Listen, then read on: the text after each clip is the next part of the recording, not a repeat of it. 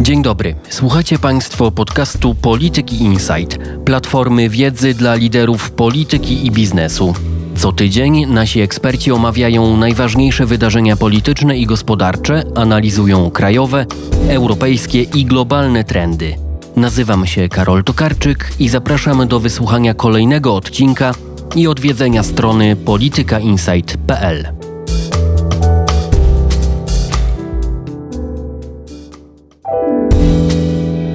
Porozmawiamy dziś o tym, jak gospodarka czy polityka gospodarcza stają się zakładniczkami polityki partyjnej Trochę też o tym, czy i jak pomysły rządzących wpływają na tę gospodarkę, na budżet, na inflację, czyli na te rosnące ceny.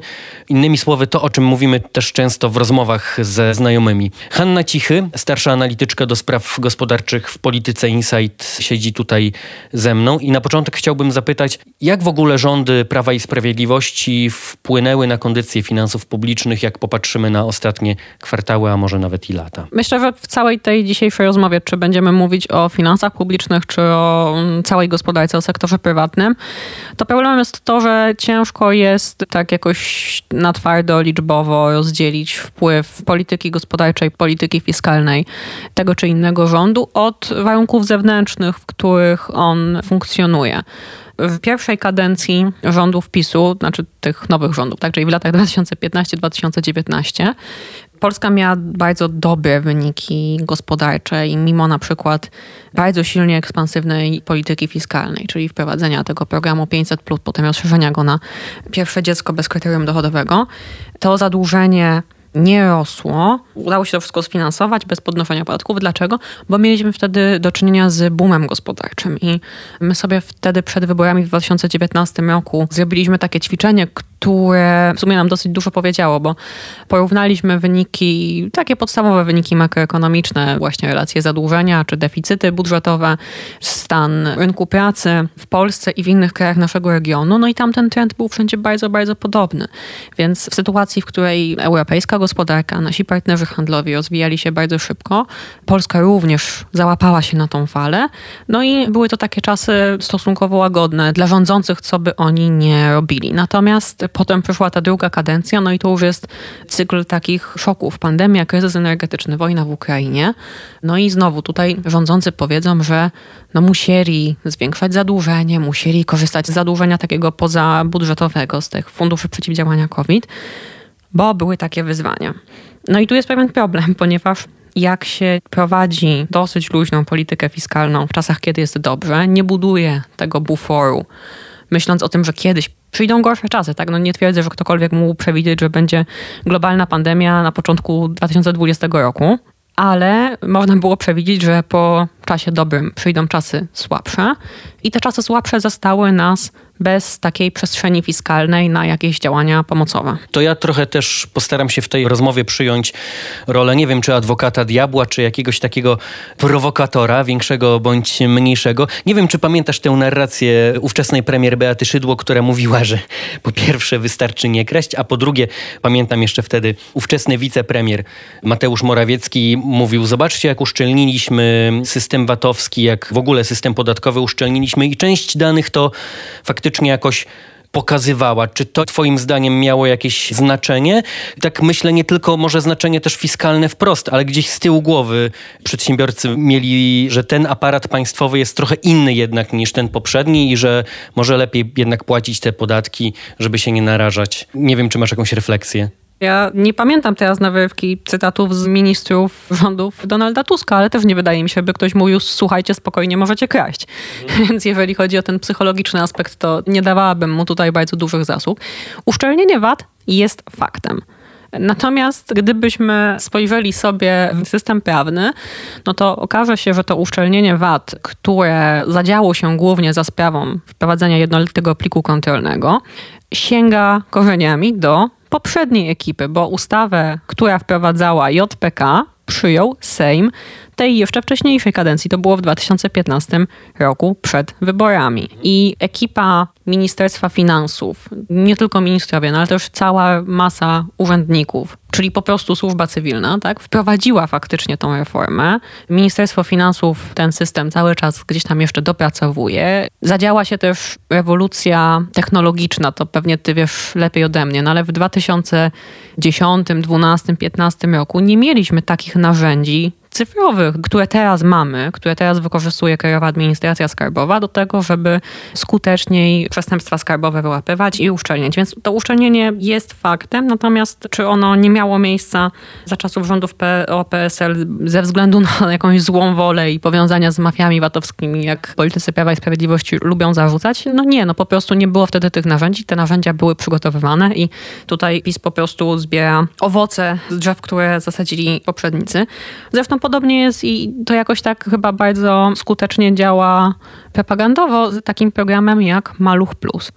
Program Maluch Plus kiedyś nazywał się Maluch i był wprowadzany przez poprzednią ekipę, ministrem pracy i polityki społecznej był Władysław Kosiniak-Kamysz i wtedy ruszył program dopłat do żłobków. I to, że w tej chwili mamy tych miejsc żłobkowych dużo więcej, to wynika z tego, że ten program jest konsekwentnie realizowany. No i te dwa przypadki pokazują nam, że generalnie dobre rzeczy w gospodarce i w polityce publicznej dzieją się wtedy, jak mamy do czynienia z jakąś ciągłością, a nie z przekreślaniem dorobków poprzedników o 180 stopni. Patrzę na wykres, który w analizie o tym, jak rządy Prawa i Sprawiedliwości wpłynęły na kondycję finansów publicznych. Tam jest relacja długu publicznego do PKB w wybranych krajach i patrzę oczywiście na Polskę. 2015 rok 51,3%, 2021 rok 53,8%.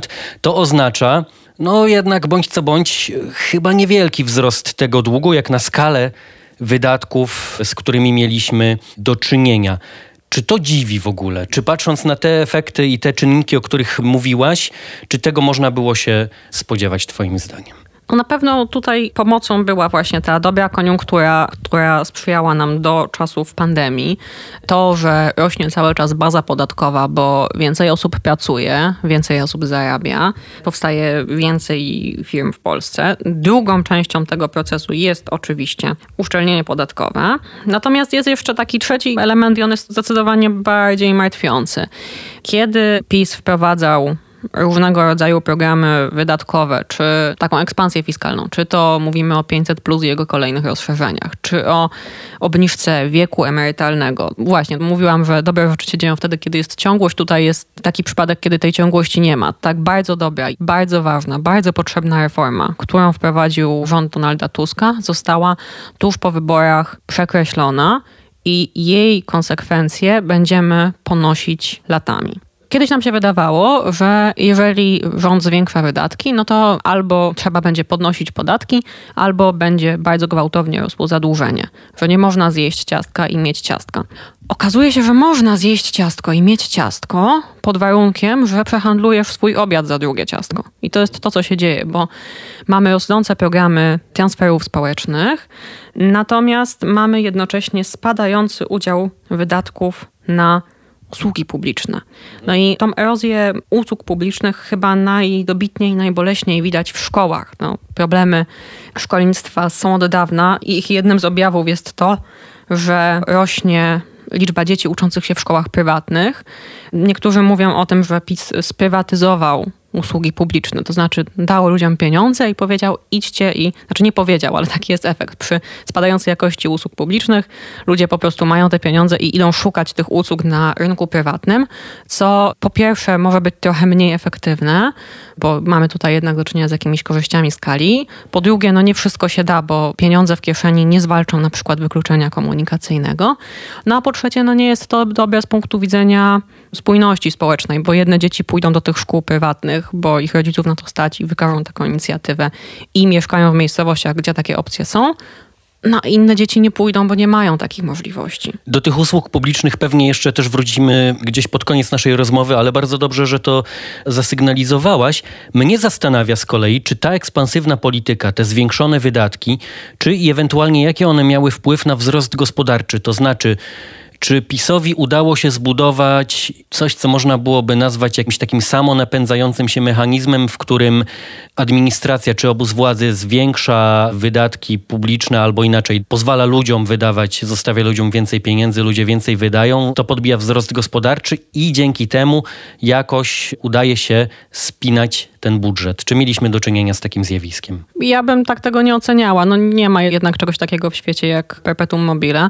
I to jest to, o czym powiedziałam na początku, mówiąc o tej pierwszej kadencji, czyli Polska wprowadziła bardzo hojne programy redystrybucyjne i rosła w tym czasie konsumpcja. Natomiast inne kraje naszego regionu ich nie wprowadziły i ich wzrost gospodarczy i ich poprawa sytuacji na rynku pracy były generalnie rzecz biorąc zbliżone, bo wszyscy jechaliśmy na tej samej wysokiej fali ożywienia gospodarczego w Europie. Trochę inaczej wychodzi ocena tutaj tej polityki pandemicznej, za którą zresztą w tej chwili płacimy też częściowo i wysokim długiem, i wysoką inflacją, ale w marcu, kwietniu 2020 roku nie było wiadomo, po pierwsze, jak to się dalej potoczy pod kątem i zdrowotnym, i tego, jakie narzędzia, bo wszyscy się tego uczyli, cały świat się uczył zarządzać taką sytuacją, ale też nie było wiadomo, jak zareaguje na to polska gospodarka. I to, że wtedy rząd postawił na bardzo taki szeroki i hojny system osłon, ochrony miejsc pracy, bo te pieniądze, które szły do przedsiębiorców, one szły na ochronę miejsc pracy i udało nam się przejść przez pandemię bez znacznego wzrostu bezrobocia, to wynikało po pierwsze dlatego w tym pierwszym okresie szoku firmy nie zaczęły zwalniać, bo te rządowe programy pozwoliły im przetrwać te pierwsze tygodnie i zobaczyć, co będzie dalej. Po drugie dlatego, że polska gospodarka ma taką strukturę, że te sektory, które potem, jak się okazało, są najbardziej narażone na te efekty pandemii, u nas ważą stosunkowo mało i w zatrudnieniu, i w wartości dodanej do PKB. Natomiast dużo uważam u nas takie sektory jak produkcja sprzętu elektronicznego, produkcja mebli, a to są towary, które w okresie pandemii i Polacy, i zachodni konsumenci kupowali w zwiększonej ilości, bo nie mieli innych możliwości wydawania pieniędzy. No a po trzecie, dlatego, że w tych kolejnych falach pandemii rząd jednak pewnie raczej ze względu na nastroje społeczne niż na gospodarkę. Raczej szybko luzował ograniczenia, one były płytkie, nie było chyba jakiegoś takiego bardzo mocnego sprawdzania, czy one są przestrzegane, czy nie. Za co zapłaciliśmy drugą największą nadmiarową śmiertelnością w Europie, tuż po Bułgarii. Czyli koszty zdrowotne były gigantyczne, natomiast no, koszty gospodarcze w miarę łagodne. Ja z tamtej debaty pamiętam bardzo jakieś takie dylematy, czy lepiej zaangażować za dużo, czy za mało pieniędzy i odpowiedź wtedy, z tego co pamiętam, padała taka, że chyba lepiej, żeby ta stymulacja była zbyt duża i potem, żebyśmy się martwili co dalej. Rzeczywiście, faktycznie teraz martwimy się inflacją, ale jeszcze druga refleksja, która wtedy już po pandemii, gdzieś jakiś taki wykres, który utkwił mi w głowie, był taki, że myśmy faktycznie, tak jak powiedziałeś, zapłacili wyższym zadłużeniem publicznym. Z tego co pamiętam w Szwecji na przykład bardzo urosło to zadłużenie prywatne. Ale też to jest trochę efekt tego, że właśnie nie mieliśmy tej przestrzeni fiskalnej. Mamy w polskim systemie takie coś, co się nazywa Fundusz Pracy. To jest taki fundusz celowy, na który odprowadzamy my pracujący jakąś tam malutką część naszego wynagrodzenia w postaci składki na Fundusz Pracy. I ten Fundusz Pracy to jest między innymi to, co finansuje zasiłki dla bezrobotnych. No i to miał być taki podręcznikowy mechanizm antycykliczny. Jak jest dobrze, dużo ludzi pracuje i dużo zarabia, to do tego funduszu lecą duże wpływy. Natomiast jak jest źle, rośnie bezrobocie, no to wtedy wyciągamy z tej skarbonki i dajemy zasiłki dla bezrobotnych. Tylko, że jak bardzo długo było dobrze, po pierwsze jeszcze ten fundusz też realizuje tak zwane aktywne polityki rynku pracy, czyli właśnie jakieś szkolenia, kursy, wciąganie ludzi na rynek pracy. To jest bardzo ważne dziś w sytuacji, kiedy mamy niedobór rąk do pracy. No ale jak było dobrze, to politycy wszystkich opcji, bo to się nie zaczęło za czasów rządu PiS, tylko dużo, dużo wcześniej, mówili, ok, my potrzebujemy pieniędzy na szkolenia zawodowe dla pracowników systemu ochrony zdrowia, nie mamy skąd ich wziąć, a to je weźmiemy z Funduszu Pracy. Potrzebujemy pieniędzy na jakieś tam programy dla rodziców chorych dzieci, tak zwany program za życiem, no to je weźmiemy z Funduszu Pracy.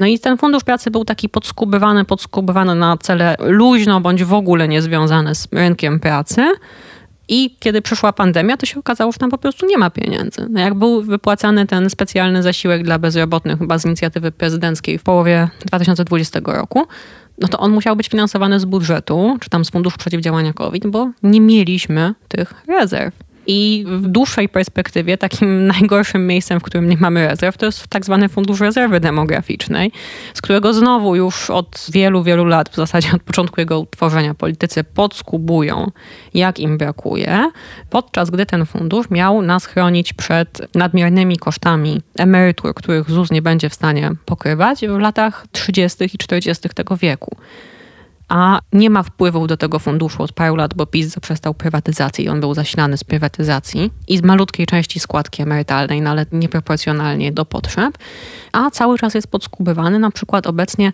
ten fundusz pożycza środki Funduszowi Solidarnościowemu na wypłatę 13 emerytur, tylko pożycza je bez procentu przy tej inflacji wiemy, co to oznacza. A to jest też ciekawe, to co mówisz o, o, tych wszystkich funduszach. I to są duże kwoty, bo w tym Funduszu Rezerwy Demograficznej, ja teraz nie pamiętam dokładnie liczby, to jest coś około 60 miliardów, powiedzmy między 50 a 70, a ta wypłata 13 emerytury to jest 12, no więc nagle jedną, nawet powiedzmy siódmą tego funduszu wyjmujesz i alokujesz bez ryzyka, ok, ale również bez procentu na bardzo dużo lat, a zwrot ma nastąpić też w momencie, kiedy ten fundusz będzie miał największe potrzeby wydatkowe wspierania ZUS-u, więc trochę żyjemy na kredyt, nie tylko w tym ujęciu, że rośnie zadłużenie publiczne, ale że właśnie wyjmujemy z tej skarbonki, która powinna być na czarną godzinę. Zanim przejdziemy do inflacji, która przez tę rozmowę cały czas nad nami gdzieś tam wisi, to chciałbym jeszcze zapytać o zadłużenie pozabudżetowe bo to też jest sposób, w który obóz władzy finansuje część swoich zobowiązań czy część swoich obietnic. Czy rola takiego zadłużenia rośnie. Jakbyśmy mieli popatrzeć też na różne fundusze czy różne miejsca poza budżetem, które finansują różne pomysły rządu, to jak duża to jest część w porównaniu do budżetu i zadłużenia normalnie, czy deficytu rocznego? To musimy się trochę cofnąć w historii, bo zadłużenie to pozabudżetowe nie jest nowym wynalazkiem i ono od zawsze było taką furtką, która pozwoliła obchodzić te konstytucyjne limity długu publicznego. Tylko, że te prepisowskie zadłużenie pozabudżetowe to był Krajowy Fundusz Drogowy i Krajowy Fundusz Kolejowy i one były niewielkie, czy to w stosunku do całego długu publicznego, czy w stosunku do PKB, miały jasno zdefiniowane źródła finansowania i co najważniejsze, również jasno zdefiniowane w ustawach cele, na które te pieniądze są przeznaczone. Czy to nie jest tak, że nie wiemy, co się dzieje z pieniędzmi z Krajowego Funduszu Drogowego? Bardzo dobrze wiemy, jesteśmy w stanie to prześledzić i przeliczyć na kilometry dróg i autostrad, które z tego powstają. No i potem przychodzi pandemia, i pojawiają się dwa duże źródła zadłużenia pozabudżetowego. To jest zadłużenie PFR-u, który wypłaca te tarcze antykryzysowe i Fundusz Przeciwdziałania COVID. I tutaj tak. No rząd powie, nie było innej możliwości, no bo nie mogliśmy przekroczyć konstytucyjnych limitów długu, a trzeba było pomagać. No okej, okay, tylko to jest konsekwencja tego, że wcześniej podchodziliśmy pod ten limit i nie mieliśmy właśnie tego zapasu. Znaczy to, że jest limit czy ustawowy w Polsce, czy na poziomie unijnym, że deficyt nie powinien przekraczać 3%, to nie oznacza, że należy mieć zawsze 3% deficytu, a potem się łapać za głowę, jak przychodzi jakaś katastrofa, tylko trzeba myśleć, słuchajcie, no to może zróbmy deficyt 1%, bo jak przyjdzie katastrofa, to jeszcze mamy te 2% PKB w zapasie, z których możemy reagować. To jest pierwsza rzecz. Druga rzecz jest taka, że no oczywiście, o ile ten dług PFR-u znowu jesteśmy w stanie powiedzieć, na co on był zaciągnięty, ile go było i gdzie te pieniądze szły według jakiej procedury, bo to było opisane w ustawie. Natomiast Fundusz Przeciwdziałania COVID jest taką personalną kiesą premiera. Premier udziela różnym ministrom możliwości korzystania z części tego funduszu. No i ten fundusz się wcale nie kończy wraz ze skończeniem się pandemii, tylko dochodzą do niego coraz to nowsze, luźno związane bądź w ogóle niezwiązane z pandemią zadania. Były dopłaty do węgla. No i myślę, że w kampanii wyborczej zobaczymy jeszcze bardzo dużo różnych pomysłów, które z tego funduszu są finansowane. Ja też rozumiem, że problemem z tego typu wydatkami jest to, że o ile budżet państwa, przynajmniej w teorii, jest nad nim jakaś taka konstytucyjna kontrola, parlamentu, no to nad tymi wydatkami, o których powiedziałaś przed chwilą, to takiej kontroli nie ma. Tak, to jest bardzo duży problem. Drugi problem jest taki, że to zadłużenie jest po prostu trochę droższe niż normalne zadłużenie budżetowe. Inwestorzy liczą sobie za to jakąś tam premię. No i ponieważ to jest tak wygodny instrument, no to po prostu politycy go używają. No więc mamy jeszcze Fundusz Pomocy Obywatelom Ukrainy, który finansuje wsparcie dla rodzin uchodźczych przebywających w Polsce. No i Fundusz Wsparcia Sił Zbrojnych, który już jest w ogóle ogóle owiany jakąś taką mgłą tajemnicy. Nie interesujcie się, bo to bezpieczeństwo. Tak, tak, tak. Co trochę jest uzasadnione, ale chyba w tej skali jednakowoż nie. No i zresztą im bardziej on jest tajemniczy, tym trudniej jest go finansować, bo po prostu inwestorzy nie chcą kupować tych obligacji na niego, czy żądają dosyć wysokich premii, bo, no bo oni jednak chcieliby wiedzieć, jakich pieniądze są wydawane. No i rezultat jest taki, że ja patrzę sobie teraz na taką tabelkę pochodzącą z takiego dokumentu, które przygotowuje Ministerstwo Finansów, czyli strategii zarządzania długiem publicznym i ona pokazuje, jak rośnie różnica między tym długiem publicznym według metodologii krajowej, a tym długiem publicznym według metodologii europejskiej, czyli te wszystkie różne fundusze pozabudżetowe. No i widzimy w nim, że po pierwsze do 2026 roku Fundusz Przeciwdziałania COVID rośnie. Znaczy, trudno się spodziewać, że będzie ten COVID-19 w 2026 roku nad nami wisiał, kiedy już żyjemy bez żadnych ograniczeń od ponad roku. Natomiast zadłużenie cały czas przyrasta i może częściowo to wynika z rolowania tego długu, ale częściowo z tego, że on na przykład finansuje program inwestycji strategicznych, czyli ten taki program, gdzie ministrowie jeżdżą do różnych miejscowości z takim wielkim wydrukowanym czekiem przekazują czek na budowę oczyszczalni ścieków albo drogi. Znaczy ja nie twierdzę, że nie należy dofinansowywać inwestycji gmin w oczyszczalnie ścieków i drogi, no tylko nie z funduszu przeciwdziałania COVID, tak? No bo tu jednak nie ma ani jakiejś nadzwyczajnej sytuacji. Jeżeli rząd chce to robić, to niech to robi z budżetu, tak? no i, to te, no i to też pokazuje, to znaczy jest tą kwintesencją wykorzystywania finansów państwa do celów partyjnych w tym sensie, że wiemy, że taka jest polityka, że w różnych krajach, chyba wszędzie właściwie tam, gdzie jest demokracja, politycy się chwalą, że załatwili jakieś pieniądze w swoim okręgu wyborczym i tak dalej. Natomiast w Polsce chociaż nie wiem, może tak jest też gdzie indziej. Widać to jakoś tak szczególnie, kiedy politycy obozu władzy podróżują w tych wszystkich różnych miejscach, które no, przeważnie nie są jakimiś wielkimi miastami i być może którym należy się też pomoc, ale jednak te czeki, o których mówiłaś, duże, takie kartonowe, to jednak je widać. I to doskonale pokazuje, że jest to po prostu narzędzie w realnej takiej politycznej I walce. Widać je dużo bardziej niż gdyby po prostu zwiększyć dochody własne gmin, czyli na przykład ich udział w dochodach z PIT-u, czy jak tam niektóre środowiska samorządowe postulują, przyznać im udział w dochodach z VAT-u i wtedy gminy by miały własne pieniądze na robienie tych dróg oczyszczalni, przedszkoli i wszystkiego innego. Ale to wtedy burmistrzowie by się mogli tak. chwalić, a nie tak. mi ministrowie tak. czy wiceministrowie nie, a propos tego, że nie wiemy, jak jest w innych krajach, dowód anegdotyczny, jak byłam kiedyś w Irlandii, to tam jest bardzo dużo takich miejsc typu jakiś mały mostek albo coś i przed tym mostkiem, czy rądkiem, czy jakąś taką inną małą infrastrukturą jest taka wielka granitowa tablica z napisem, że tutaj w 2017 roku ten mostek otworzył lokalny poseł jakiś tam jakiś, więc no to pewnie to chwalenie się tym załatwianiem czegoś dla swojego regionu w centrali jest jakimś tam dużym zjawiskiem, no tylko, że po prostu no to jest tylko polityka, a, a, a nie ma żadnego przełożenia na gospodarkę. Okej, okay, to może teraz uda nam się trochę zmienić temat i porozmawiać o inflacji, która jest drugim dużym, ważnym tematem wykorzystywanym politycznie przez obie strony. To znaczy, ci, którzy są w opozycji, mówią, że działania rządu tę inflację napędzają. Administracja z kolei obóz władzy mówi, że ta inflacja jest wywołana przez Putina i przez wojnę. Czy da się jakoś uporządkować i podzielić i ocenić, ile z tej inflacji to jest taka, która po prostu tak czy inaczej wychodzi z tych czynników zewnętrznych? Mieliśmy po pandemii pandemii, czas niedoboru, kiedy globalna gospodarka mocno się ożywiła, było bardzo trudno kupić i sprowadzić do Polski różne rzeczy, co też przełożyło się na ich ceny. No a ile jednak z tego jest takim stereotypowym stwierdzeniem, że te transfery społeczne 500 plus, zobaczcie, teraz napędziło inflację. Pewnie kiedyś powstaną takie, albo może już powstają prace naukowe, które próbują wyliczyć, że no, w Polsce to x procent inflacji wynikało z pandemii, y z wojny, a z z działań rządu czy działań polityki monetarnej. No ja się nie podejmuje w tej chwili przepisywania takich wartości. Przyczyn inflacji jest wiele, wszystkie te wymieniane są ważne, czyli zarówno pandemia, jak i wojna i kryzys energetyczny, jak i jakiś tam miks działań rządu i polityki monetarnej wpływają na to, że sytuacja jest dzisiaj jaka jest. Porównywanie się do innych krajów, co robią politycy i media sprzyjające bardziej lub mniej jednej czy drugiej stronie, też jest kulawe, bo po pierwsze każdy kraj ma inny koszyk как inflacyjny, czyli inaczej ważą w nim te elementy, które drożeją najszybciej, na przykład paliwa i energia. Po drugie, każdy kraj prowadzi inną politykę antyinflacyjną, czyli no musielibyśmy z tych danych o inflacji, które urzędy statystyczne publikują, mieć jeszcze na to taki filtr, który mówi, ok, ale w tym kraju to gdyby nie było obniżki VAT na żywność, to inflacja by wychodziłaby tyle, a gdyby nie było zamrożenia cen energii dla gospodarstw domowych, to wychodziłaby tyle. Więc porównanie tych wyników no, jest bardzo kulawe i nie należy tego robić.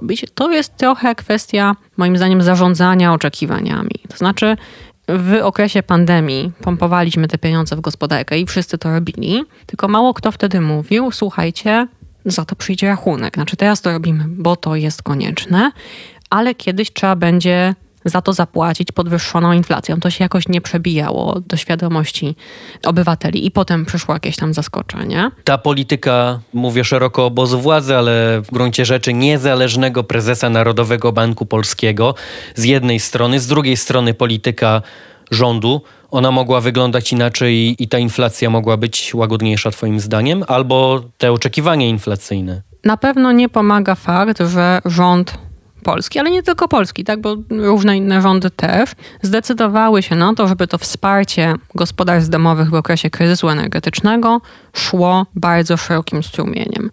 No, politycy podejmują takie decyzje, bo po pierwsze to jest prostsze, do wykonania i napisania ustawy i potem jej zrealizowania. Po drugie, no to się przekłada na jakieś tam poparcie. Natomiast to, na co wskazują uwagę niezależni eksperci z różnych międzynarodowych organizacji i think tanków, to, że takie działanie, no po pierwsze jest proinflacyjne, a po drugie jest mało skuteczne, no bo jak dajemy wszystkim 300 zł umownie, to dajemy również tym, którzy jakoś by sobie bez tego się świadczenia poradzili, a nie dajemy tym, którzy są w najtrudniejszej sytuacji i może potrzebują 400 albo 500, żeby nie popaść w ubóstwo. I to dotyczy zarówno tego aspektu polityki antykryzysowej teraz w okresie kryzysu energetycznego, jak i generalnie polityki społecznej. Wczoraj został opublikowany taki raport Banku Światowego, który ocenia politykę społeczną w krajach Unii Europejskiej pod kątem właśnie jej skuteczności radzenia sobie z tą wiązką kryzysów, jakich dostarczyły nam ostatnie trzy lata.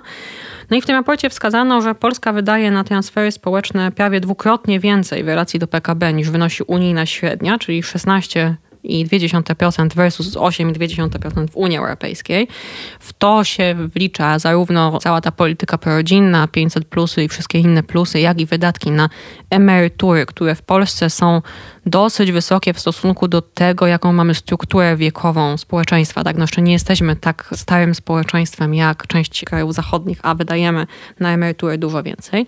No ale mimo to ubóstwo, znów według tego Banku Światowego w ciągu ostatniego roku wzrosło o 1 do 2 punktów procentowych, co cofa nas, gdyby to były 2 punkty procentowe, cofa nas do sytuacji z 2015 roku po pierwsze, a po drugie, około połowy osób ubogich nie korzysta z dostępnego wsparcia, a część programów wsparcia nie jest dostępna dla pracujących. No jak sobie przypomnisz protest osób z niepełnosprawnościami i ich rodzin w Sejmie nie tak dawno temu, no to tam jest ten problem, tak, że opiekunowie nie mogą pracować, jeżeli chcą uzyskiwać świadczenia, podczas gdy świadczenia dla takich rodzin dotkniętych problemem niepełnosprawności powinny wyrównywać to, że oni mają wyższe koszty życia. To jest kwestia sprzętu, rehabilitacji, leków i tak dalej, które nie są w wystarczającym stopniu dostępne w systemie publicznym, a na rynku prywatnym po prostu dużo kosztują. To jeszcze zanim przejdziemy do tych usług publicznych i prywatnych, bo to jest też niezwykle ciekawy wątek, to jeszcze ostatnia część o tej polityce monetarnej, bo skoro rozmawiamy o tym, że polityka gospodarcza jest albo może być podporządkowana polityce partyjnej,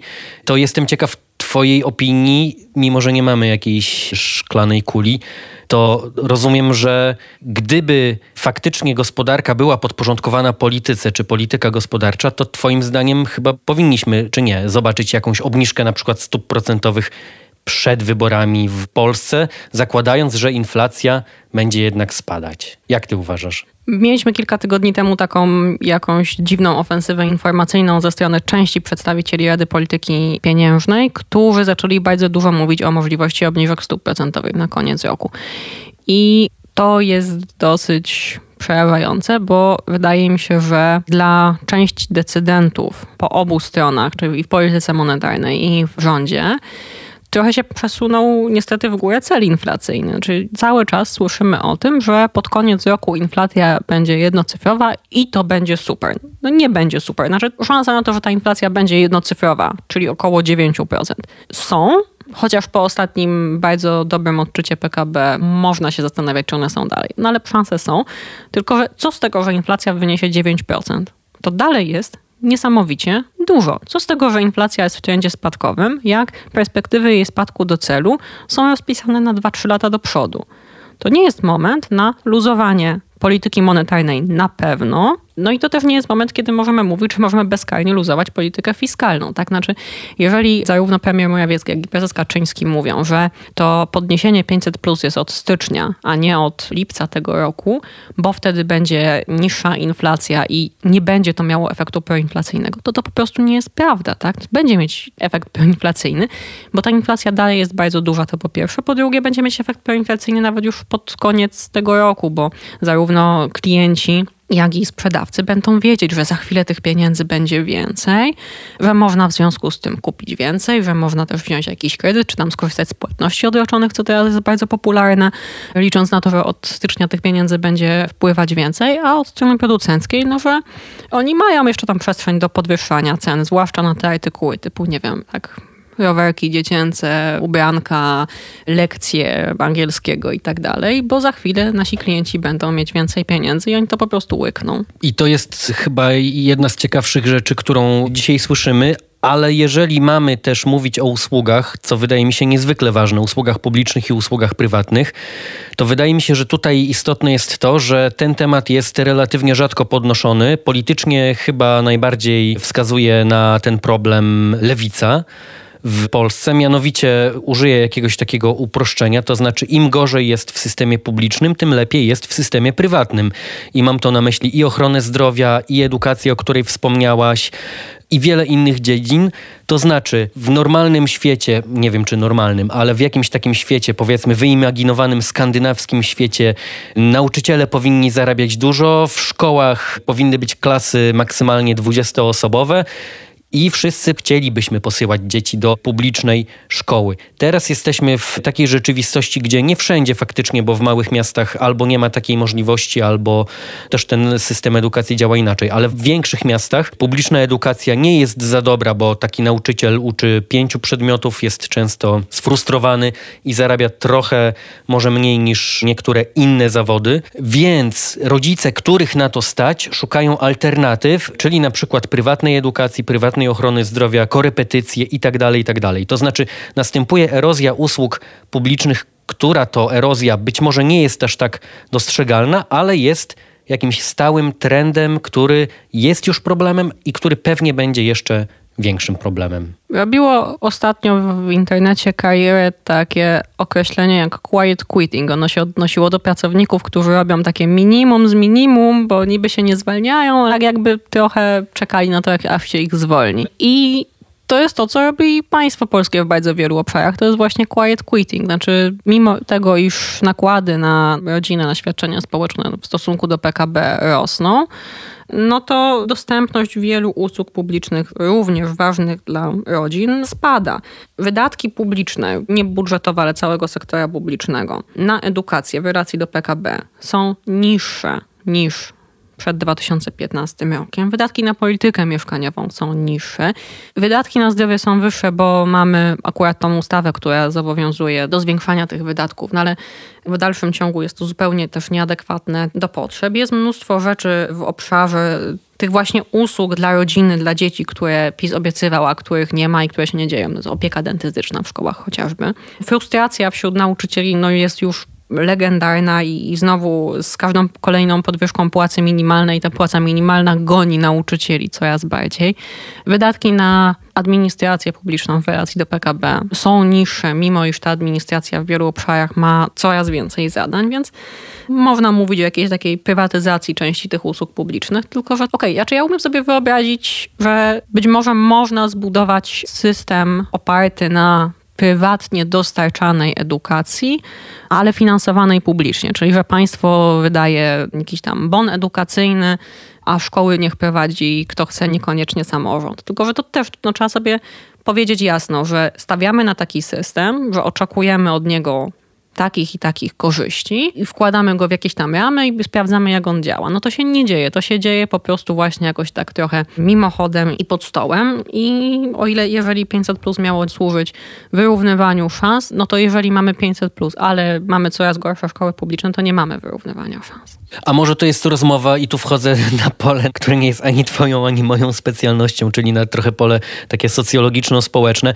Może my jako społeczeństwo nie wierzymy w dobre usługi publiczne, to znaczy nieważne kto będzie rządził, to jakby ktoś powiedział, że naprawi polską szkołę albo polską ochronę zdrowia, czy my byśmy w to uwierzyli? Wczoraj miałem taką rozmowę i przyszła mi ona teraz do głowy. Byłoby chyba trudno, więc może lepszy jest dla ludzi ten wróbel w garści, czyli to 500 czy 800 plus niż ten przysłowiowy gołąb na dachu w postaci lepszej edukacji, lepszej ochrony zdrowia, lepszego systemu transportu za ileś lat, przy czym nie wiemy, czy to się powiedzie, nie wiemy, kto miałby to zrobić, czy ci ludzie, którzy mieliby to zrobić, mieliby do tego kompetencje. Może to jest trochę też opowieść i rozmowa o kryzysie wiary w państwo jako takie. Ja nie wiem, jak ty się do tego odnosisz. No i jak zaznaczyłeś, nie mamy tutaj profesjonalnej opinii, tylko prywatną, ale ja słyszałam takie hasła już przy poprzednich wyborach, że Żadna z partii nie obiecuje w jakiś taki systemowy i wiarygodny sposób poprawy systemu ochrony zdrowia. Znaczy wszyscy o tym mówią, ale nikt nie mówi, jak dokładnie miałoby się to odbyć, za jakie pieniądze i skąd wzięte i z jakimi zmianami systemowymi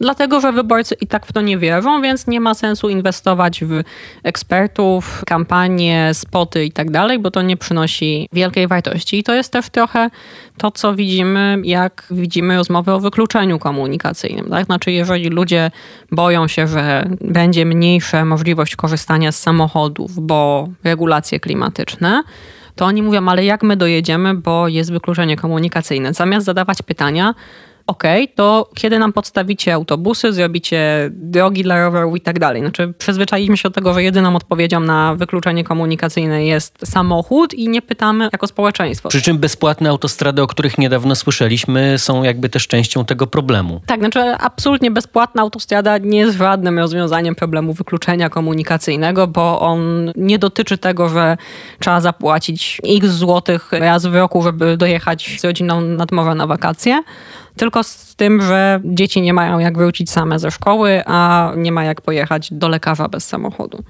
Czy ci, którzy twierdzą, że jesteśmy albo będziemy drugą Grecją, mają rację? To znaczy, słyszymy coś takiego od kilku lat, od ośmiu co najmniej pewnie. A jednak ta druga Grecja się nie dzieje. Widzieliśmy ostatnio odczyt PKB za pierwszy kwartał, było minus 0,2%, a nie minus 0,8% jak spodziewali się ekonomiści. Różnimy się trochę też od tej Grecji. Oni mają euro, my nie mamy. My mamy dość zdywersyfikowaną gospodarkę, oni trochę mniej. No więc gdzie leży ta prawda? To znaczy, jakim krajem moglibyśmy być i gdzie możemy być z taką polityką za kilka lat? Ja myślę, że powinniśmy robić wszystko, aby być najlepszą Polską, jaką możemy być. Najlepszą w kontekście jakości życia, tak? Porównania do Grecji są może jakieś tam widowiskowe. Teraz już trochę mniej, bo, bo myślę, gdybyśmy spytali jednak statystycznego wyborcę, o co chodzi z tą Grecją i co tam się działo w 2008 roku, to chyba nikt już tego tak naprawdę nie pamięta, za wyjątkiem jakichś pasjonatów. Problemem, który najbardziej nas goni, w który radośnie wybiegamy, to jest problem demograficzny. I to, że nie podnosimy wieku emerytalnego, będzie nas strasznie doganiało zarówno od tej strony produkcyjnej gospodarki, bo będzie coraz mniej pracowników, jak i od tej strony fiskalno-społecznej, bo każde pokolenia będą mieć coraz mniejsze emerytury. I wydatki też na leczenie na przykład? Tak, wydatki na leczenie będą rosnąć po prostu z wydłużaniem się długości życia i z tym, że ten klimat też się robi coraz mniej przyjazny i to ma swoje konsekwencje zdrowotne, więc wydatki na leczenie nasze, naszych dzieci będą coraz wyższe, a te emerytury nasze i kolejnych pokoleń, każdego rocznika, będą jednak coraz niższe, zwłaszcza w relacji do ostatniego wynagrodzenia. A z kolei wydatki publiczne, one będą rosnąć na osoby starsze i będzie ich coraz mniej pieniędzy na te usługi dla osób młodszych, czyli politykę mieszkaniową, politykę edukacyjną, politykę klimatyczną w końcu. Więc to jest taka duża pułapka, w którą wpadamy, a żadna z partii już nikomu nie przechodzi przez gajdło podniesienie wieku emerytalnego, bo jest takie powszechne przekonanie, że to jest recepta na przegranie nie tylko tych, ale i kolejnych wyborów, gdyby ktoś to zrobił. Więc czeka nas jakaś taka nasza własna, no jeżeli nie katastrofa, no to duże problemy, niespektakularne, ale właśnie taka erozja, tak? Obserwujemy erozję usług publicznych i ona będzie się tylko nawarstwiała, jeżeli nie postawimy na jakieś uporządkowanie tego systemu, to jest jakaś dyskusja, która się nie dzieje, a teraz może w czasie kampanii wyborczej powinna się dziać. Co my chcemy, żeby państwo robiło i skąd chcemy, żeby pozyskiwało na to pieniądze, jakie źródła finansowania są dla nas akceptowalne, dla tych celów, które chcemy mieć realizowane, a no zamiast tego naklejamy tylko plasterki na jakieś tam kolejne problemy i dojeżdżamy w ten sposób od wyborów do wyborów. I z tym przesłaniem chyba nie najweselszym, ale tak wygląda życie. Zostawiamy Państwa przed kampanią, czy nawet w trakcie kampanii to wyborczej. Może ja zakończę jednak optymistycznym wnioskiem. Śmiało. Tak? Państwo, nasi słuchacze, wszyscy jesteście wyborcami. Zadawajcie te pytania politykom, którzy przyjeżdżają na spotkania, z którymi można się skomunikować w różnych kanałach elektronicznych. Zapytajcie, jaka jest Państwa propozycja dla naszych dzieci, dla naszych wnuków, jak chcecie kształtować świat dla nich, a nie tylko dla nas za cztery miesiące. Bo bez naszego zainteresowania chyba niewiele się tu zmieni. Bardzo dziękuję. Hanna Cichy, starsza analityczka do spraw gospodarczych, była naszym gościem. Dziękuję. Dziękuję. Na dziś to wszystko. Zapraszam w przyszłym tygodniu na kolejny odcinek podcastu Polityki Insight. Słuchajcie również naszych innych audycji. Znajdziecie nas na SoundCloudzie, Spotify, w iTunes, Google Podcast i w aplikacji Radia Tok FM. Słuchajcie, obserwujcie i komentujcie. Do usłyszenia.